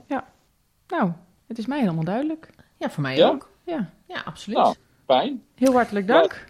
Blij dat ik daaraan heb kunnen bijdragen. Ja, Ja, dat vinden wij ook. ja. Dank u wel. zeker. Graag gedaan. En wie weet tot de volgende Oh. keer. Erg leuk. Ja, wie weet. Succes. Dank u wel. Nou, super interessant. Ja, zeker. Eh, absoluut heel verhelderend om, Ja. eh, om, om een, echt een inkijkje te krijgen in hoe dat proces nu Ja. precies werkt. Ik had natuurlijk af en toe achter in de auto al eens een keer eh, dit soort verhalen gehoord. Ja, jij wel, maar ik niet. Dus nee, dat is daarom. goed. Nee, Ja. maar daarom dacht ik van, nou, dit is nou de perfecte persoon om het even precies te horen. Hoe zit het nou eigenlijk? Want ik heb het een paar, ik heb het in die paar jaar dat we hebben, dat, dat ik voor hem heb gewerkt, heb ik ook een paar keer die vraag gesteld van, hoe zit dat nou precies? En hoe werkt dat dan? Ja. En eh, ik weet dat niet, niet iedereen heeft natuurlijk die gelegenheid om Nee. iemand die eh, onderdeel is van die RVA om eh, dat te vragen. Dus ja, leuk om dat nu even een beetje zo eh nou, nader te kunnen toelichten, om daar een beetje helderheid in te krijgen. Absoluut. Ehm, maar ik vind het ook wel een leuke. Ja. Om, om dan ook direct. ik ben dan ook wel benieuwd. Iemand die ook in dat traject zit. Die al iets verder is dan wij. Ja, precies. Ja. Om die dan ook eens te vragen: van nou, hoe, hoe, hoe, die dat dan allemaal ervaart. Ja. En ik weet wel iemand die wij kunnen vragen, die ook direct iets kan vertellen over die ontwikkelingen in de HDV. Dan pakken we eigenlijk twee vliegen in één klap, hè? Eigenlijk Ja. zoals we al hadden aangekondigd in de introductie, hè? Ja. Het is nu heel spannend. eh En we doen wordt nu net het heel spannend Maar Maar stel men dat mensen niet, lang. nee, maar stel dat mensen niet helemaal goed hebben geluisterd in het begin, dan ja, ja, ja. is het toch weer een beetje spannend. Ja, dat is waar. Oh, maakt een spannend moment. Ja. Nou, Annemarij, wie heb je op het oog? En wie dan? Nou, ik dacht hoofd HDV. Wat leuk! Ja, leuk hè? Ja. Ja.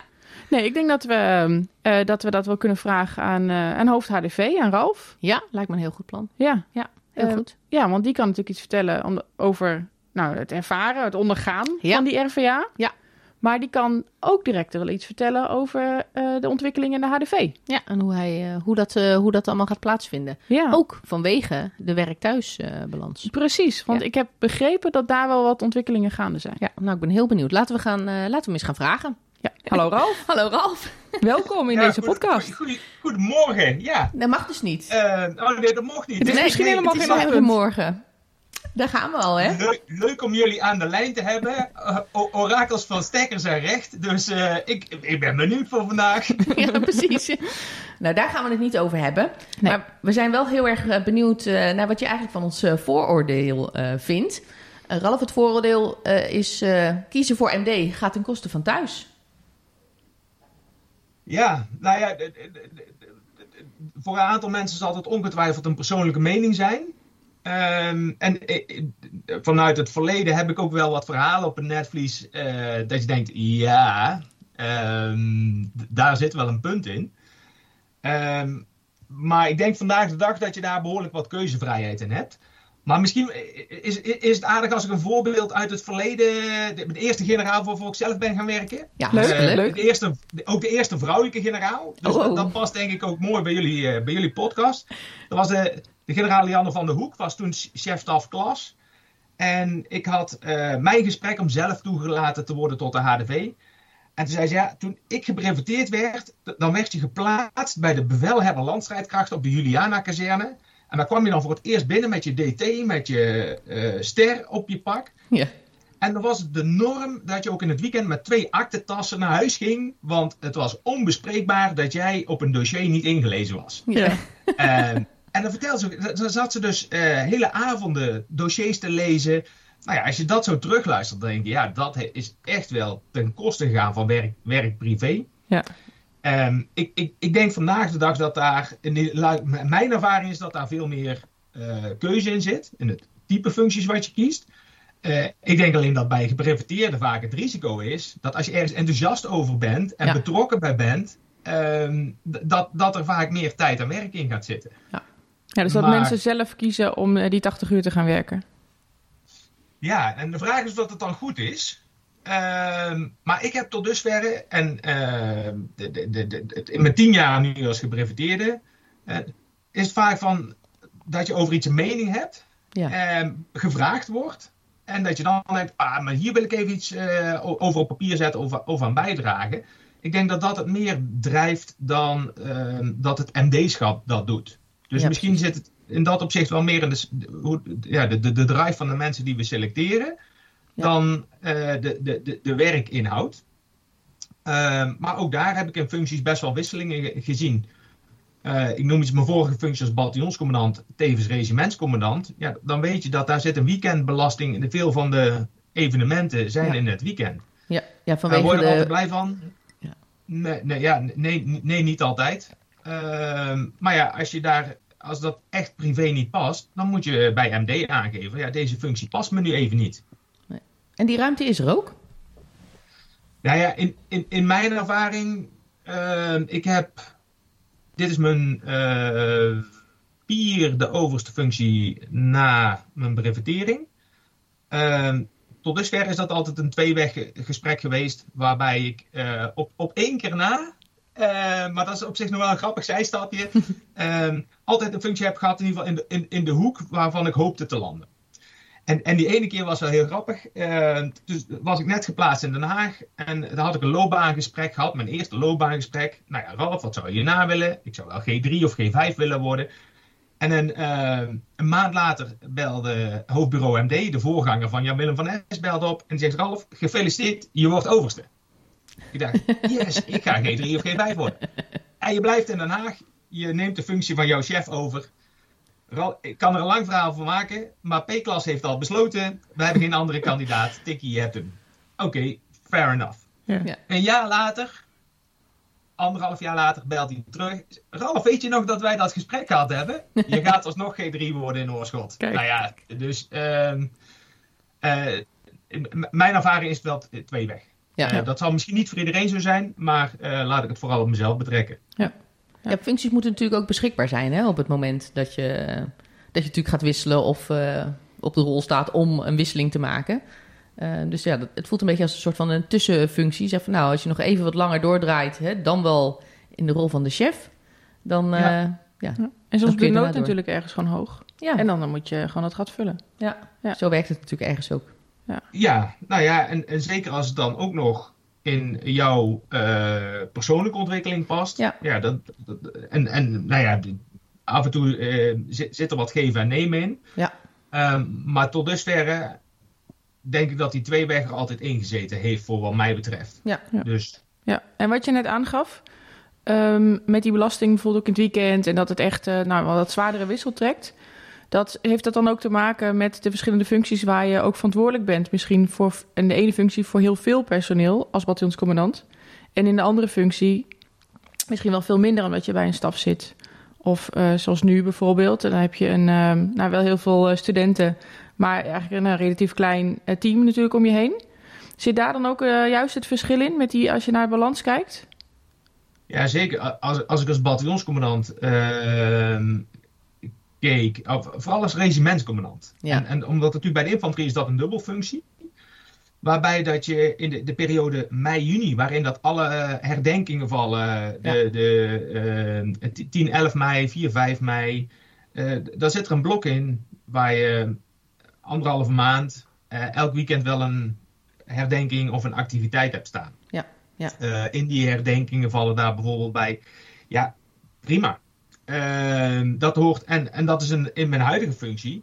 Ehm, nou ja, goed, de, de, de, in, het, in een niet-corona-jaar eh, zijn we. ja, dat, dat, dat klinkt zo lullig om te zeggen tegen jullie. Nou ja, ik, Ja, ik we weten het, we weten het. Iets met krenten en pap, geloof ik, hè? Zoiets. Eh, ja, precies. Nou ja, ehm, maar dat eh, eh, ben je zeven weken op reis. Eh, dat in, ver- in vergelijking met bataljonscommandant ehm, ging, zat ergens rond de, tussen de 20 en de 25 op jaarbasis met, met schietseries en oefeningen. Ja. Ja. Dus ja, die, die, die wisselwerking zit, zit er zeker in. Ehm, en in, in een functie in Den Haag zul je vaker zien dat je eh, verwacht wordt dat je voorbereid aan de startlijn komt. Dus daar zat ik vaker s'avonds af en toe nog met een laptop op, op schoot om eh, een stuk te lezen of iets voor te bereiden. Ja, precies. Maar zat er helemaal geen weekendbelasting in. Dus de- nou ja, elk, nou ja, in elke functie zit er een voor- en een nadeel aan. Maar ik denk dat dat ook het mooie is, dat Ja. die wisselwerking erin zit. Ja, ja, dat denk ik ook. Ik denk dat ook wel. eh, dat heeft ook wel een beetje de charme van ons bedrijf. Hè? Inderdaad, al die verschillende soorten functies en die verschillende manieren van eh, belasting eh, en de keuzes die je daarin eh, kan maken. Ik denk dat dat wel. eh, dat trekt mij in ieder geval wel altijd heel erg. En eh, heb je dan ook het gevoel dat je... eh, je hebt nu... ehm, nou, ik neem aan dat je door die hele RVA-cyclus bent gegaan. Ehm, eh, dat je daarmee door een bepaalde mal bent getrokken van... eh, oké, en zo eh, in deze hoekjes... eh, zo moet deze overste eruit zien voor de organisatie? Ehm, ja, ik, ik, ik denk het zeker. Ehm, maar dat is wel de mal die ik zelf opgeschreven heb in mijn ambitiebrief. Oh ja. Hoe dat ik dacht dat die mal eruit zou kunnen zien. Ja. Ehm, en eh, nou ja, eh, om, om daarmee te beginnen, hè, wat natuurlijk een RVA ook is, is dat eh, je schetst je eigen beeld voor je loopbaan en de organisatie zet daar hun beeld tegenaan. En nou ja, hopelijk match je die twee.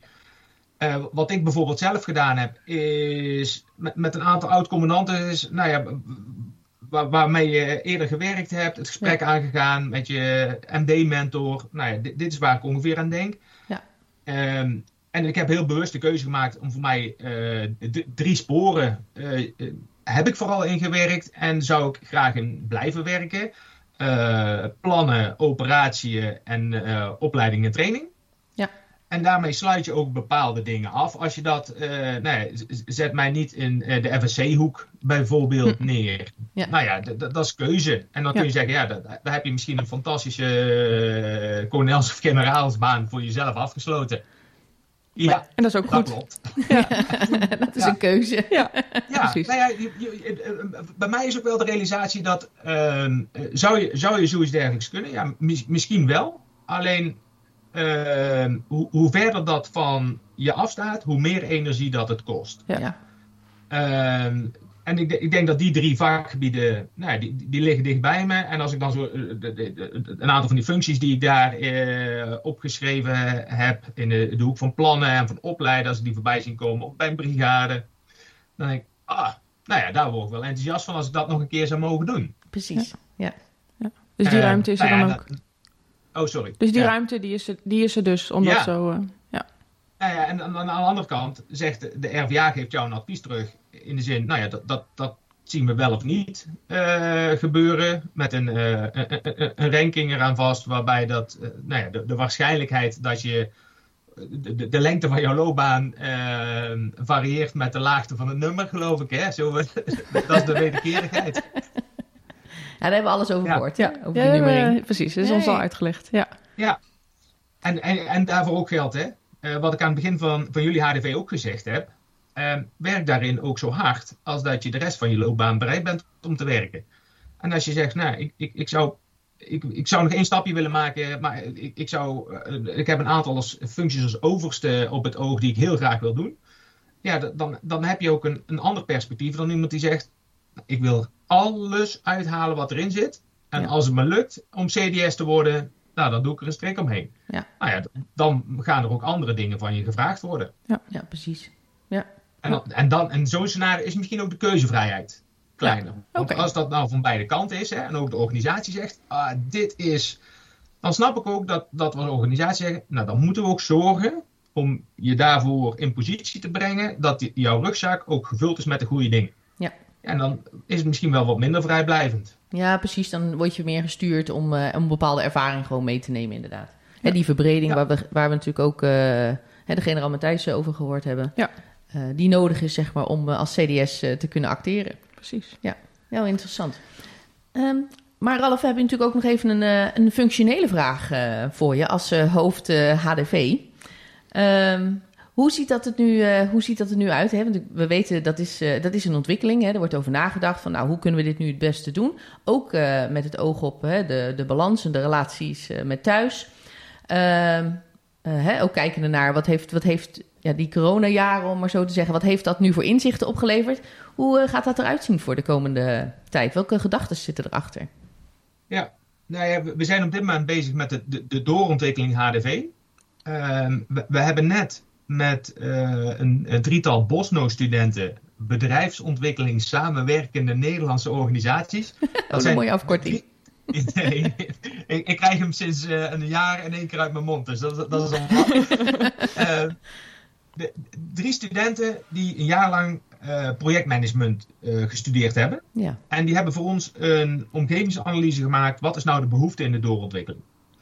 Ehm, en dat, dat, dat is echt een rode draad uit te halen. En dat, eh, de, dat is maatwerk en flexibiliteit. Ja. En dat zien we niet alleen bij, ehm, in- binnen Defensie. Maar dat zien we ook civiel in het onderwijs. Dat er gewoon meer behoefte is aan keuzevrijheid en Ja. maatwerk.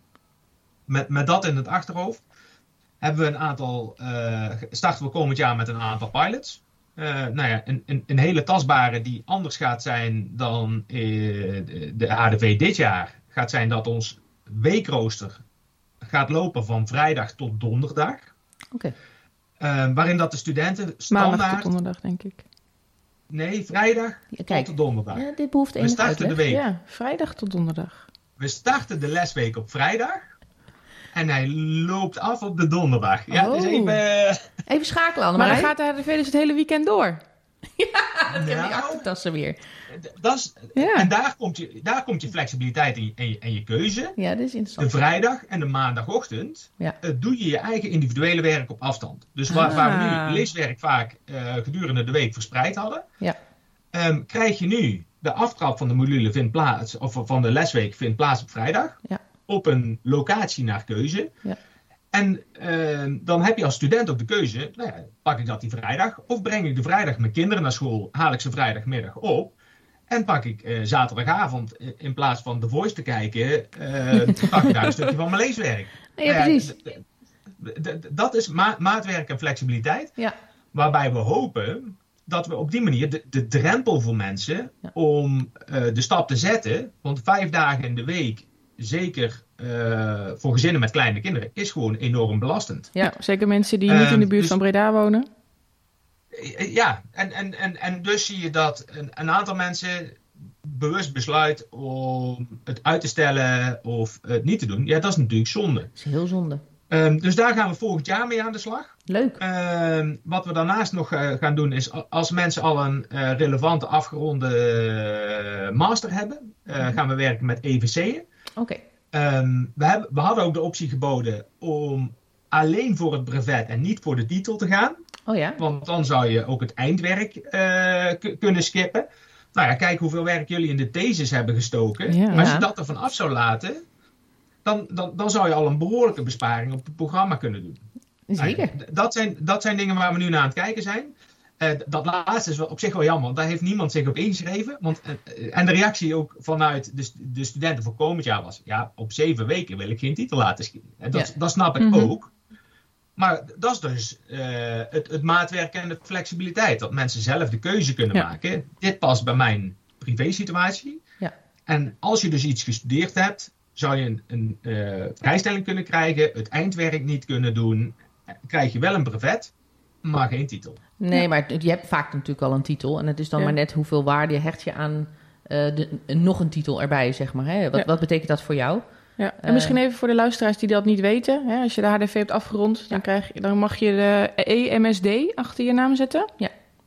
Executive Ja, klopt. Master De- Security and Defense. Ja, precies. Dus, maar de, de, de- we hebben niet de ruimte geboden. Maar, en veel mensen zeggen, ja, op, op, op mijn eindwerk voor zeven weken. Zeker als ik dan een, een stagetraject bij de DGB mag doen. Ja, Eh, dan wil ik toch graag de titel doen. Maar goed, het is een optie. Dus we bieden hem het pakket. Eh, en we gaan ook eh, starten met bedrijfs- en bestuurswetenschappen om die online te maken. Zodat men- mensen ook daar, ongeacht of dat je wel of niet in de HDV zit, Ja. dat je die kennis op kan halen. Oh, oké. Dus hij staat open gaat voor meer. Juist. Een grotere doelgroep. Juist. Ja. Interessant. En, en, en dat je ook die module zou kunnen gebruiken als deel van de HDV. Dat je hem alvast online doet. Ja. Ehm, da- daar, zitten, daar komen wel wat vragen dan. Hoe doe je de toetsing geaccrediteerd? En, eh, dus da- daar zijn we nog aan het, aan, aan het werk.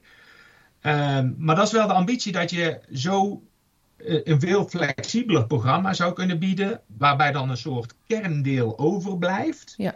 Waarin dat je, ik denk een combinatie van krijgswetenschappen met beroepsgerichte persoonlijke ontwikkeling. Ja. Ehm, wat je in principe altijd in Breda zult doen. Want daar zit dan ook. ehm, daar kun je je ontwikkelbehoeften neerleggen. Daar bouw je aan je netwerk. Ja. Want dat zijn ook weer dingen die we niet kwijt willen in de, het maatwerk en de flexibiliteit. Dus naar, naar die balans zijn we. Dat je wel deel van een jaar bent. En wel je een paar collega's op allerlei plekken in de organisatie kan bellen. Ja. Ehm, maar tegelijkertijd ook iets meer ruimte bieden voor eh, persoonlijke keuze en, en, en vrijheid in hoe dat je het programma samenstelt. Ja. ja, wat meer modulair eigenlijk.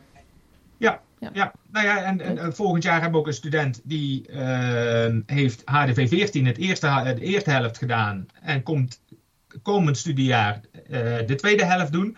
Dus zo hebben we een aantal pilots om gevoel te ontwikkelen bij nou, hoe zou dat in de toekomst eruit zien. Die Ja. pilots evalueren we en als dat goed bevalt, dan maken we dat eh, steeds structureler. Ja, heel leuk. Ja, Heel goed. leuk. Ja, maar ook gewoon eh, hè, de, de, eh, de, de mogelijkheden die eigenlijk geboden worden. Hè? En inderdaad, gewoon probeer maar. En we gaan zien waar het strandt. En we proberen natuurlijk hè, alles zo goed mogelijk. eh, eh, ja, alle, alle doelen hè, die gesteld worden aan de opleiding, de accreditatie die eraan vastzit, om dat te behouden.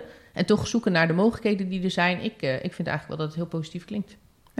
Ik ook. Ja, heel interessant. Nou, dat, dat, dat, dat, is- dat is goed om te horen. Ja, en, Ja, dit is dus, eh, we, we- gaan zo stapsgewijs eh, eigenlijk, eigenlijk voorwaarts. Ja. Ehm, waarbij we bijvoorbeeld ook, we hebben natuurlijk met jullie heel veel online onderwijs gedaan. Ja. Ehm, zijn we erachter gekomen dat da- daar waar het over kennisoverdracht gaat, ehm, gaat, dat, gaat dat prima. Ja.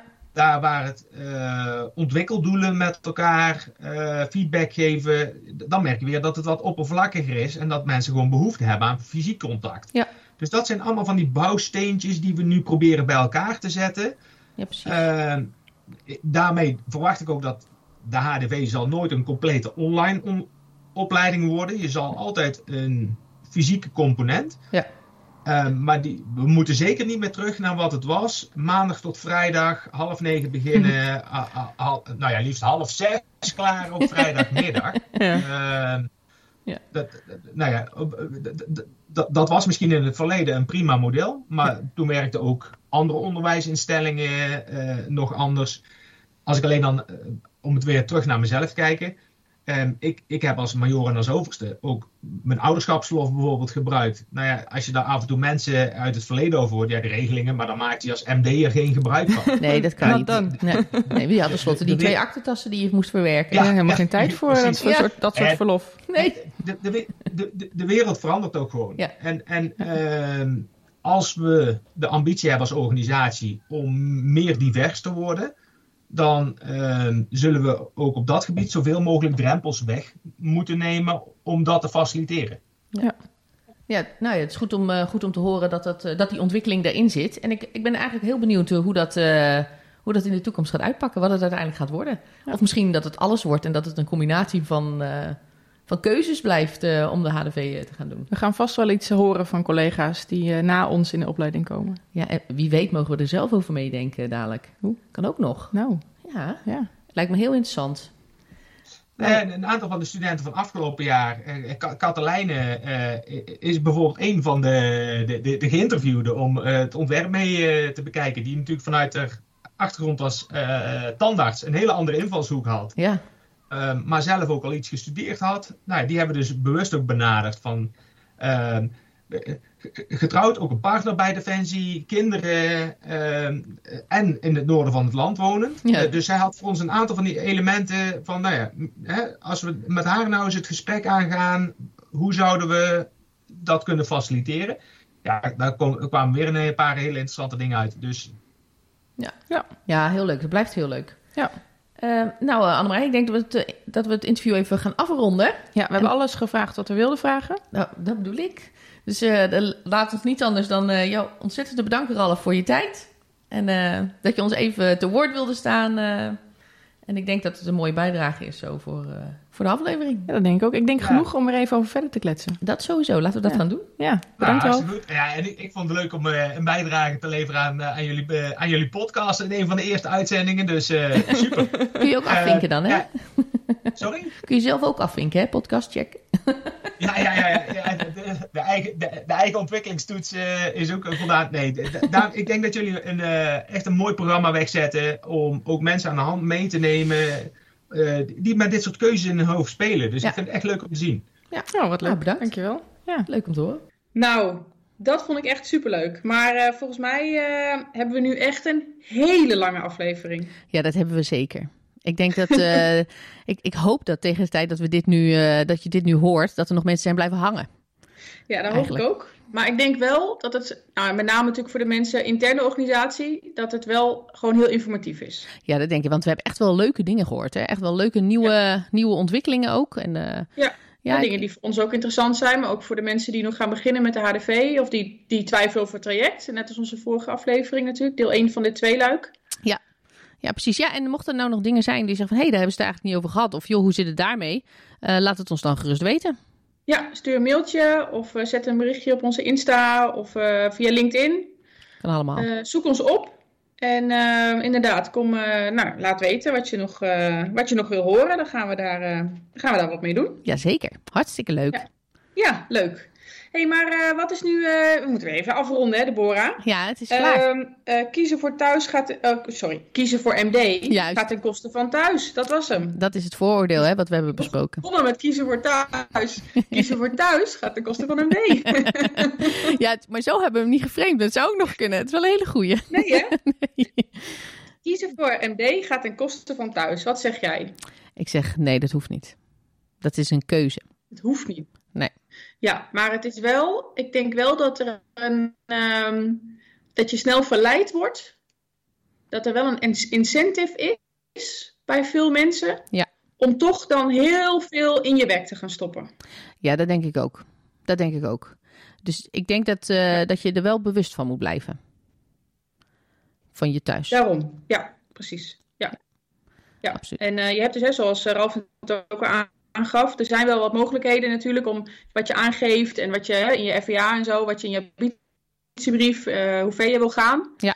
wat je ervoor op wil geven. Ja. Ehm, en dat hoeft niet, hè? niet iedereen hoeft CDS te worden natuurlijk. Nee, precies. Maar, ehm, maar het is wel, als je voor het hoogst haalbare gaat, dan moet je er denk ik ook wel rekening mee houden dat het ten koste van heel veel gaat in ieder geval. Ja, die kans, eh, die kans zit er duidelijk in. Maar dat, wat ik al zei, dat zijn dan weer keuzes die je zelf wil maken. Hè? Dus is het iets wat je, wat je inderdaad gewoon ambieert, dan, eh, ja, dan moet je er ook gewoon zeker voor gaan. En dan zijn alle kansen daar. Eh, en als je zegt van nou ja, maar dat is me niet waard, want ik zoek toch meer de balans met thuis. Nou goed, dan is dat natuurlijk ook een keuze. En dan is misschien het zijn van eh, CDS eh, niet, eh, niet jouw hoogst haalbare, om maar zo te zeggen. Ja, dan moet je iets anders worden. Ja, precies. Nou, je kan alles worden. Oké, nou leuk. leuk. Ja, Hey, ehm, eh, ik vind het een mooie afronding. vind ik ook. Eh, maar we gaan even op vakantie, hè? Ja, daar zijn we nu wel aan toe. Hè? We hebben die opleiding gehaald. Het is nu tijd om op vakantie te gaan, Annemarij. Ja, dus we doen ook even podcastvakantie. Ja. En dan zijn we 27 augustus weer terug. Heerlijk. Met een nieuwe aflevering. Hele leuke aflevering. Absoluut. Dan gaan we weer, eh, nou, weer een andere kant op. Een hele Met, andere kant. Ja, echt een hele andere kant. Met allemaal voordelen over de verschillende opkoos. Ja, Ja, ja dat gaan we allemaal uitleggen tegen die tijd. Ja, ja, precies. Nou, dat komt helemaal goed. Leuk. Nou, eh Annemarij, ik zeg een hele fijne vakantie. Jij ook. En alle luisteraars ook een hele fijne vakantie. Zeker. En eh, tot de volgende keer. Ja, tot de volgende keer.